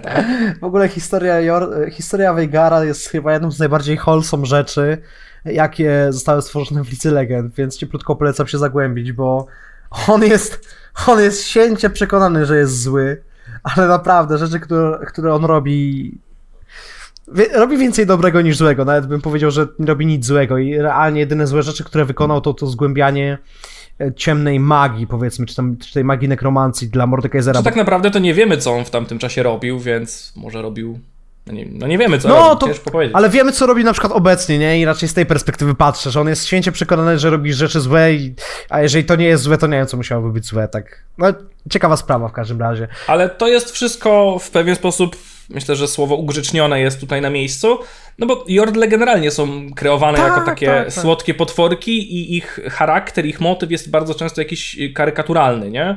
Tak, Więc mhm. Veigar, nie, ciężko wyobrazić sobie małego Veigara, który ma taki piskliwy głosik, który, nie wiem, byłby kimś pokroju Darkina, nie? Jeżeli chodzi o jego czyny w League of Legends. Sądzę, że to był jakby świadomy zabieg, żeby stworzyć tę taką, a, zawartą w jednej... Taki śmieszny panicz zła, który myśli, że jest najgorszy, a tak naprawdę... Tak, te przeciwieństwa, które są zawarte w jednej postaci, dokładnie, dokładnie tak. No ale fakt faktem, Veigar zgłębiający magię dla Mordekaisera musiał to robić i Mordekaiser chciał to wykorzystywać jeszcze raz. To, że pojawił się na ziemi, jedno, to, że podbijał różne kolejne lądy, to drugie, ale głównym jego zadaniem było podbicie nie tylko wymiaru fizycznego, ale również duchowego, do czego się przygotowywał przez cały ten czas. Jednakże w tym samym okresie rozwijała się postać, o której już wcześniej wspominaliśmy z, z Marwekiem. Wladimir. W momencie, w którym Wladimir oczywiście dołączył do tego Darkina, uczył się hemomancji, nabierał moc, wiadomo, ale kiedy przyszło co do czego i Darkini zaczęli upadać właśnie będąc y, zaklętymi w broniach, to kiedy... To tak się trochę cofamy teraz, żeby rozszerzyć to, co Tak, się tutaj wydarzyło. no. Dokładnie. No to kiedy tylko armie zbliżały się do posiadłości, czy do ziem tego Darkina, pod którym służył Wladimir, no to ten Darkin zlecił Wladimirowi, że ma go bronić. A Wladimir powiedział mu, he, figa z makiem, bracie, i go zabił. Ciekawa sprawa, że Wladimir był w stanie to zrobić, ale podszedł go z, nie wiem, inteligencją, sprytem, e, zdradził go w każdym razie, ten Darkin się tego nie spodziewał, biorąc pod uwagę, jak wierny mu wcześniej Wladimir był. Dlaczego jednak to jest istotne? Dlatego, że Wladimir zabijając tego Darkina, wchłonął część jego mocy i dopiero dzięki temu faktycznie zaczął e, być w stanie używać w pełni potencjału, jaki daje hemomancja. Ponieważ po wchłonięciu mocy, e, części mocy tego Darkina, tam chyba to było opisane nawet jako e, pochłonięcie jakby części jego krwi, czy wyciągnięcie tej siły życiowej z jego krwi właśnie, przez co ten moc przejął. E, Był w stanie odnawiać swoje ciało faktycznie, był w stanie zdobyć potęgę, do której wcześniej nie miał dostępu. No i oczywiście to pozwoliło mu wieść życie, jakie tylko sobie życzył. W momencie, kiedy Mordekaiser e, rozwalał połowę Runterry po swojej stronie, Wladimir zaszył się niedaleko jakiejś wioski, w jaskini swoją drogą i był uznawany za jakiegoś potwora, za stwora, który żąda, wręcz zabójstwo przez niektórych, który żąda ofiar. Wiecie, kozy, te sprawy, no nie, y, głównie ludzie, z których to wyciągał energię życiową, żeby się odnawiać, bo to jest akurat bardzo ważne. Wladimir nie jest tak, że jest stricte nieśmiertelny, on musi żywić się energią życiową ludzi, żeby być nieśmiertelnym. No, czy też chociaż no, to jest opisane jako ludzi, ciekawe w sumie, czy też innych istot. Ale. Znaczy, ze względu na jego moce, można powiedzieć, że on jest nieśmiertelny, ale trzeba pamiętać, że jego pamięć nie jest. I on po prostu nie dość, że tworzy swoje portle- portrety, to jeszcze swoje życie opisuje w kronikach, żeby To po prawda. prostu pamiętać o tym, co robił wcześniej. Przy czym To tak trochę na zasadzie, można powiedzieć, umysłu Znaczy, e, to, to jest. Wolverina. Może być, chociaż akurat nie jestem dobry w, w Marvela i X-Menów, ale z, ty, z tą pamięcią to jest jeden z minusów. Drugim minusem jest fakt, że on to jest trochę jak z oddychaniem, wiesz, że no realnie za każdym razem, kiedy oddychasz, zerujesz timer, wiesz co chodzi, że No, no, no, no, no, no, kojarzysz, kojarzysz temat. I tak samo z Władimirem, że gdyby się nie żywił tą energią życiową, to no nie byłby w stanie odnawiać, nie? Swojego Mhm, ciała. Ale y, dlaczego w ogóle mówimy znowu o Władimirze? Dlatego, że wspomnieliśmy o Mordekaiserze i w sumie tak naprawdę To się wszystko ze sobą łączy tak, generalnie. dalsza część jego historii jest, y, idzie naprzód dopiero, kiedy dowiadujemy się realnie o LeBlanc i Władimirze. Jak to LeBlanc? Co jest? Gruby! Mówiliśmy o Władimirze. Czarna Róża, mówi wam to coś? Powinno, jeżeli kojarzycie LeBlanc.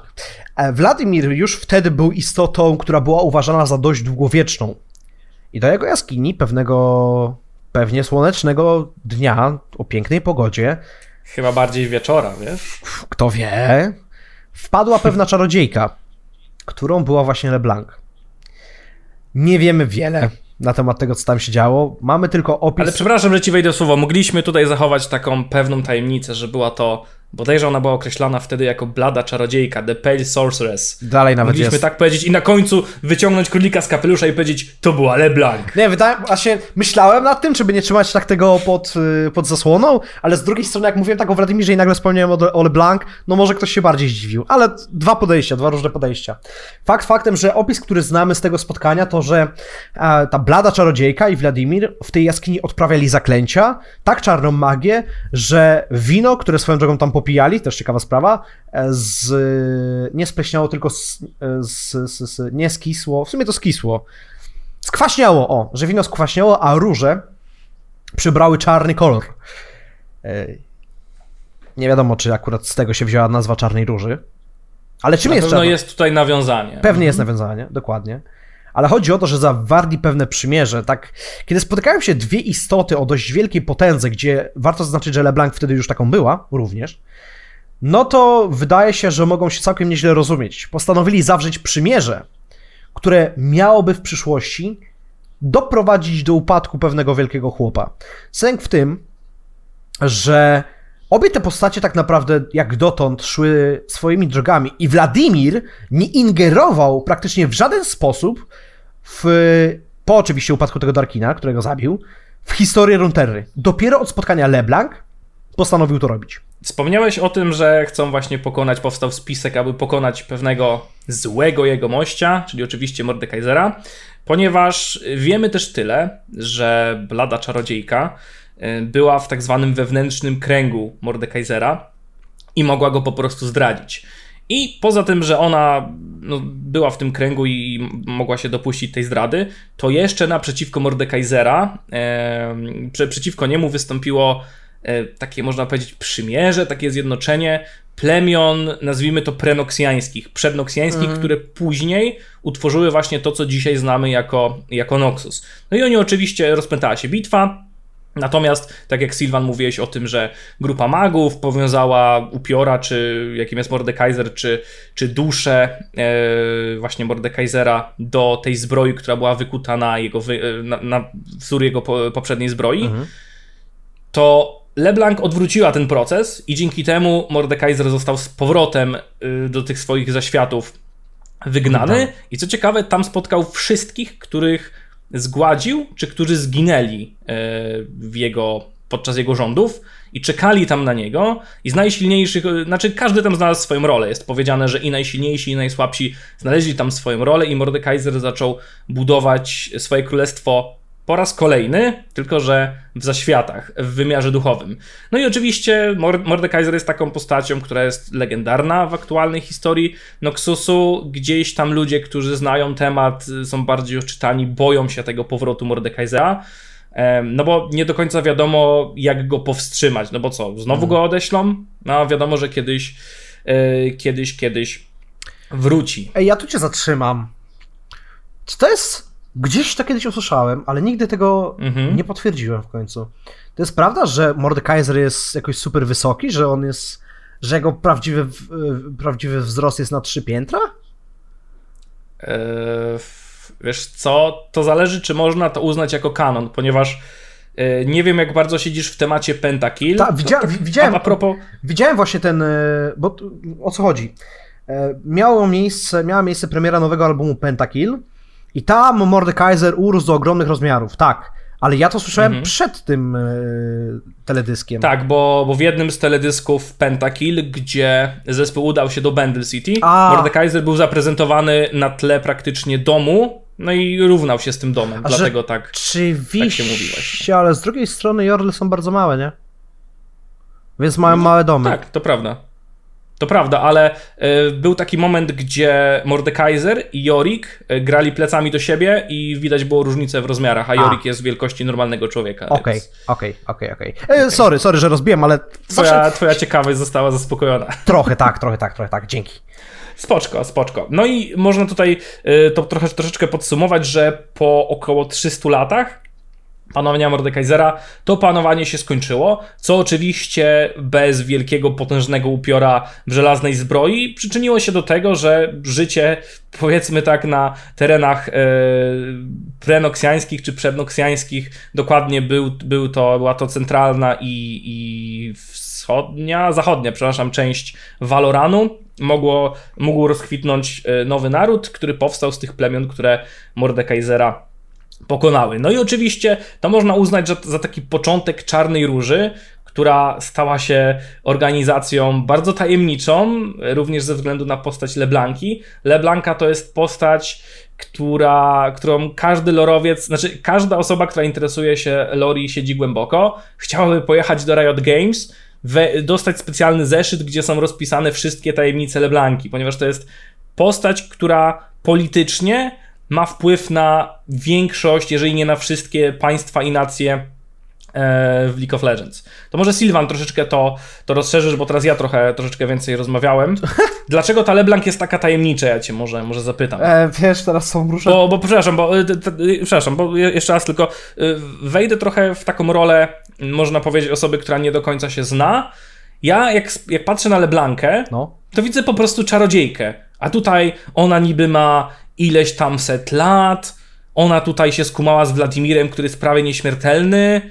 Jak to jest? Ona Wiesz, była w tym ja kręgu przy... O co chodzi? Ja przede wszystkim sobie teraz przypominam e, teorię jeszcze ze starego lore, e, gdzie było, że na przykład LeBlanc zabiła ojca Jarvana IV. Zapomnijcie o tym, że to powiedziałem! Dzięki. W sensie, od samego początku, kiedy tylko LeBlanc istniał jeszcze nawet w starym lore... Ale to nie jest teoria ze starego lore. Nie, totalnie, ale jest ze starego lore, bo to było jeszcze, że na polu bitwy. Znaczy tam było coś takiego, nie, nie, to wydaje mi się, że chodzi ci o to, że e, tam e, Jarvan chyba, że, że Jarvan to LeBlanc, A, że Jarvan to... Dobra, utnijmy, nie, koniec, nie, tak. ci, ci, ci, nie ma, nie ma, nie, nie, zapomnijcie, zapomnijcie o tym, co się, co się tu stało właśnie. Koniec tematu. Bo tam w, w Journal of Justice była pokazana tak. chyba walka Jarvana ze, ze Swainem i w odbiciu tam Była LeBlanc. ubioru Swaina było widać LeBlankę, no. No i powiedzieliśmy to. No dobra, no, niech będzie i tak, ale przypomnijmy, to to jest... To Wyczyśćmy kartę, stare, nieaktualne lore. Przede wszystkim LeBlanc jest, e, jak powiedziałeś wcześniej, oczywiście Czarna Róża. Czarna Róża trzyma z jednej strony cały, Noxus, tak, cały obecny Noxus, e, czyli w tych czasach, gdzie już mamy Dariusa, Dravena, powiedzmy Katarinę, e, cały ten Noxus trzyma za szyję, kieruje tak naprawdę Noxusem, ale z ukrycia. Przy czym Wspomniałeś o tym, że LeBlanc ma kilkaset lat. W rzeczywistości nie mamy zielonego pojęcia, jaką magią i jaką realnie mocą do końca dysponuje LeBlanc, poza faktem, że chociażby potrafi tworzyć swoje klony. Ponieważ nikt nie wie. LeBlanc jest enigmatyczna. W sumie to nikt nie wie, jak ona wygląda, bo zakładamy i też jest to tak przedstawione w lore, że ona teoretycznie powinna posiadać umiejętność zmiany swojego zmianę swojego wyglądu. Plus, nigdy nie wiemy, czy LeBlanc, jeżeli już się ktoś z nią spotka, jeżeli ktoś już ją zobaczy, to nie wiadomo, czy to jest prawdziwa LeBlanc. Bo w lore są sytu- jest, jed- jest jedno opowiadanie, w którym w nieśmiertelnym bastionie ginie pewien Noxianin, gdzie jest ileś tam tych LeBlanc. I nie wiemy na przykład, czy to są iluzje tylko, czy to są jej klony, czy o co tutaj chodzi. Autentycznie, mimo tego, że mamy opowiadanie LeBlanc, to wydaje się jakby w kontekście tekstu, ilości tekstu do informacji, które otrzymujemy, LeBlanc była postacią najbardziej tajemniczą właśnie. Ale w sumie zgadza się to z całym jej, całym jej konceptem, bo właśnie o to chodzi. Jest postać, która mąci w Noxusie, ale nie tylko, której powiedzmy wpływy sięgają aż nawet do Demacji, e, do krain, gdzie normalnie byśmy LeBlanc nie spodziewali się spotkać. Wiemy tyle, że Czarna Róża obecnie chociażby e, przyczyniła się do upadku poprzedniego imperatora Noxusu. Borama Darkwilla dokładnie. Dokładnie. Którego zastąpił oczywiście Jericho Swain razem ze swoim triumviratem. E, czyli tak. tym, tą, e, potrój, tym trójdziałem władzy. I to jest. I teraz patrzcie. O co chodzi? Bo trochę niby wy- wychodzimy do przodu, ale no trzeba trochę to poruszyć, mówiąc o LeBlanc. Trójpodział władzy w Noxusie. Jakich mamy trzech władców w Noxusie? Będziemy w sumie w kolejnym odcinku też chyba tłumaczyć, na czym ten trójdział polega, albo w kolejnych. Ale na razie najważniejsze jest, kto tam uczestniczy. Darius, a... Jasny gwint. Ty, kto był drugi? Swain. So. Przecież sam to powiedziałem przed chwilą. No właśnie. Nie, Darius Swain i nie mamy pojęcia, kim jest trzecia postać. Prawdopodobnie LeBlanca, nie? Ale- Prawdopodobnie. Wiemy tylko właśnie, że trzecia postać należy do zakonu zabójców? Takiego, właśnie jakby zakonu takiego bardzo, ponownie, tajemniczego, Ona jest przedstawiana jako osoba, która po prostu chowa swoją twarz za kapturem i jest bardzo tajemnicza tak, w ten tak, tak, sposób. Więc, no tak, LeBlanc, tak to brzmi. Em, chciałbym powiedzieć coś więcej w sumie, ale autentycznie już chyba nie ma co i aż mi jest smutno z tego powodu. LeBlanc, Czy ja mogę coś dopowiedzieć jeszcze? to dopowiedz w takim wypadku Marwek, bo no rozszyf... Bo tak trochę wyleciałeś do przodu odnośnie Nawet tego, bardzo, tego ale wiesz dlaczego? Bo staram się trochę ująć sens LeBlanc, ale tak naprawdę jej postać jest rozbita, jakby wpływ jej postaci na lore League of Legends jest rozbita na przestrzeni historii właśnie od momentu spotkania się z Władimirem i w sumie jest wiele elementów, na które wpływ miała, ale ostatecznie żaden definiujący w pełni jej cel, poza tym, że chce mieć nad wszystkim pieczę i kontrolę. Ona ma swoje własne plany, o No których wa- nic nie wiemy. właśnie, nie niestety. wiemy, bo tym planem mogłaby być wielkość Noxusu, ale też wcale tak nie jest do końca. Jej, jej, działania, nie jest, nie jest. jej działania nie zawsze były podyktowane tym, żeby Noxus był wielki i mocny. Mogę to rozszerzyć, bo tak e, bardziej wyleciałeś do przodu z tą, z tą sytuacją Czarnej Róży. Oczywiście Wladimir do tej Czarnej Róży cały czas należy, chociaż Mhm. ciekawostka, że chce z niej wyjść, prawdopodobnie na rzecz własnego kręgu, który stworzył, który nazywa się Karmazynowym Kręgiem i polega on z grubsza na tym, że e, są tam ludzie, którzy praktykują również magię krwi. Ale, ale nie o tym, bo wydaje mi się, że tutaj kwestia LeBlanki pod kątem politycznym i pod kątem kreowania świata jest ciekawsza, ponieważ LeBlanc e, i s- sama Czarna Róża ma praktycznie wszędzie swoich szpiegów i swoich agentów. Przykład e, jest, e, jest powiedziane w lore, mm, nie pamiętam już w którym momencie, ale jest powiedziane, że e, do Najwyższej Rady Demacji, rady, która sprawuje e, która też doradza e, królowi e, w Demacji, jest osoba, nie wiadomo kto to jest, jest osoba, która należy do Czarnej Ró- Róży, bądź jest to Leblanka. To jest pierwszy przykład. Drugi przykład jest taki, że w Shurimie znajduje się e, łączniczka też, e, która wymienia korespondencję z, e, z Noxusem bodajże. Do tego jeszcze co jest też ciekawe, wspominałeś o tym, że nie wiadomo, czy oryginalna LeBlanca żyje, czy nie. Czy jakby zostały tylko jej kopie. No, nie wiadomo. I to jest tak tajemnicza kwestia, że masakra. Aczkolwiek e, w karciance Legends of Runeterra, która jest dla bardzo ciekawskich, którzy mają czas, żeby siedzieć i analizować, jest ogromnym źródłem wiedzy, tylko trzeba siedzieć i patrzeć na te obrazki, Tak. bo jeżeli dobrze połączymy y, dwa z pierwiastkiem z trzech, to możemy być świadkami fajnych historii fajnych, fajnych ciekawostek, o czym mówię. Na, no tutaj nie jest to aż tak hardkorowe, na karcie Leblanki, tej pierwotnej przed wylewelowaniem, jest pokazana Leblanka, która spotyka się być może, tak to jest prezentowane, z włodarzami Czarnej Róży. Natomiast y, po, le- po level upie, po zwiększeniu poziomu tej, tej karty w grze, jest coś takiego, że wszystkie te postacie przybierają postać Leblanki po prostu i jest jedna Leblanka, która e, bodajże to był diadem, ma swój diadem czy, czy, czy koronę, e, która pokazuje, że to jest ta jedna główna matronka.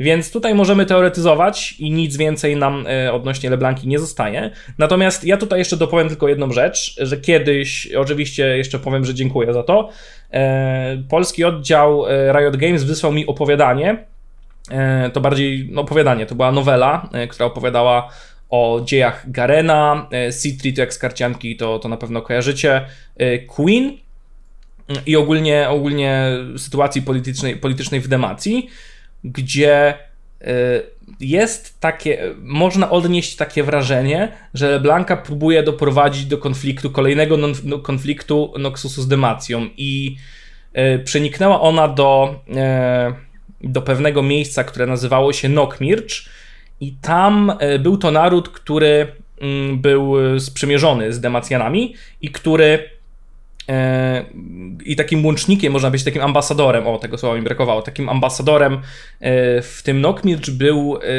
bodajże to był wujek Hargold, poprawcie mnie w komentarzach, jeżeli się mylę, i to był, znaczy wujek Hargold, to był Hargold i to był wuj Garena i Lux. I okazało się, że no, Leblanka przyjęła jego postać po prostu i próbowała gdzieś tam nastawić e, ludzi, którzy, którzy tam mieszkali przeciwko Demacji, co się oczywiście udało. Prawie Garen i jego nieustraszona gwardia zostali tam zabici, ale na szczęście udało im się, im się uciec.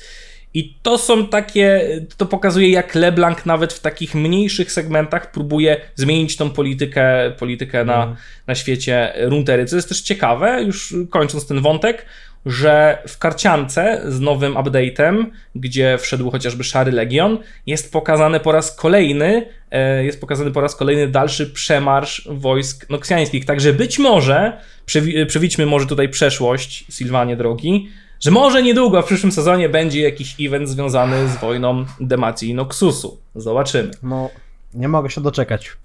E, wiesz, jak kocham eventy. Ale, Marwek, e, trochę nam to zeszło i bawi mnie, że za każdym razem przed odcinkiem mówimy sobie nie, nie, nie, dzisiaj, dzisiaj zamkniemy się w Pół godzinki, pół godzinki. Pół, godziny, 40 minut, to jest maksymalnie. Nie masz coś, zobacz, mamy punkty ładnie wypisane, to jest wszystko ustalone z góry. To są krótkie historie, nie, tu, no nie, jak widzicie, Po czym ty zaczynasz się rozgadywać, potem ja y, uderzam w stronę, ej, wiecie co, jest takie jedno opowiadanie, które Riot zrobiło i tam jest Nokmir, czy tam była Alblanka i tam są duże następstwa polityczne, halo, co jest? starego wujka, ciotki, brata e, zaprzysięgłego Tak, tak. w tej wojnie, gdzie tam był ten sędzia, który e, wbił nóż w plecy temu dziadkowi. No! To, tak, to, to, jego prawy klapek był Darkinem, no tak, tak, tak, było. tak, tak. E, Zabawnie to wychodzi, szczerze mówiąc, ale autentycznie. Wydaje mi się, że to też z odcinka na odcinek, a mimo wszystko więcej się nam udaje przekazać. Ja jestem zadowolony, szczerze mówiąc. To był, to był konkretny odcinek i w sumie e, wydaje mi się, że też udało nam się dość opisać okres, który zaraz po samych początkach świata i wszechświata w League of Legends może być drugim najbardziej tajemniczym. Ale musiałbym sobie przypomnieć, bo w sumie są jeszcze kolejne tematy, które będziemy mieli do pokrycia. Ale wydaje mi się, że tak, ze względu chociażby na LeBlanc, ze względu na to, co się dokładnie stało z pozostałymi Darkinami, a no wydaje mi się, że możemy go wrzucić całkiem wysoko w rankingu tych dość jeszcze niewyjaśnionych okresów. Ja na przykład nie chciałbym, żeby chronologia League of Legends i wydarzenia były aż tak bardzo wyjaśnione, bo tutaj jest, że tak powiem, pole dla ludzi, którzy lubią doszukiwać się różnych rzeczy i kombinować, więc mi się to akurat podoba. I zastanawiacie się w takim wypadku pewnie teraz, czego będzie dotyczył kolejny odcinek. No przecież skoro mówiliśmy o takich e, dość dobijających rzeczach, tu wojna, śmierć, e, e, w sumie to niby pokonanie śmierci, ale przez gościa, który pewnie będzie chciał ponownie sprowadzić sporo śmierci na Runterrę, no to chyba trzeba się jakoś odbić, prawda? Jakoś się pocieszyć. Nic z tych rzeczy!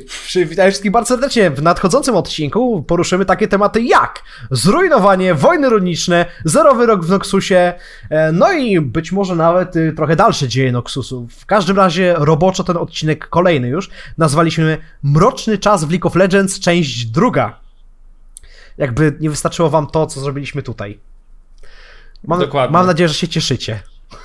Tylko nie będzie Darkinów, tylko to będą bardziej konflikty yy, żywo nieumarłe i, Tak. i żywych z żywymi, o, w ten sposób. Zdecydowanie.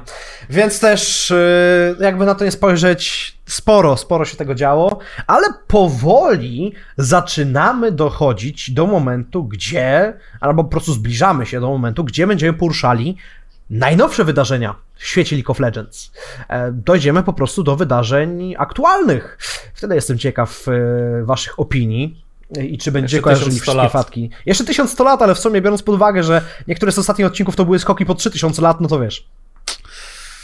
No ale tak, y, z odcinka na odcinek powiedzmy ten okres, który poruszamy będzie bardziej zwarty. E, Mniej, mniej lat będziemy przeskakiwali naraz.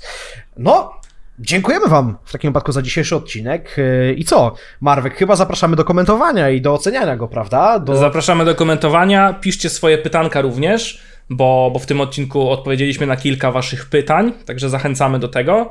No i jeżeli lubicie na pewno Ryza, jeżeli lubicie mm, Viego, na przykład Kalistę i Karima, no to następny, następny odcinek będzie jak Mm. będzie najbardziej dla was, dokładnie. Dla was. E, A dokładnie. i co do pytanek, oczywiście mogliście zwrócić uwagę, że e, w sumie tych, tych pytań całkiem sporo się pojawiało pod odcinkami, ale na przykład na niektóre z nich odpowiadaliśmy już w, w kolejnych odcinkach. Zdarzyło się, zdarzyły się takie pytania, szczególnie po e, niektórych pierwszych. Także zwracajcie na to uwagę, bo oczywiście my dość skrupulatnie staramy się je przeglądać. Co ciekawsze, będziemy wplatali w odcinki. Teraz już każdy kolejny odcinek będzie zawierał wasze pytania spod poprzednich, także mam nadzieję, że będziecie z tego powodu usatysfakcjonowani. Dziękujemy Wam za dzisiaj i zapraszamy na kolejny odcinek Lorcastu. Dziękujemy. Trzymajcie się.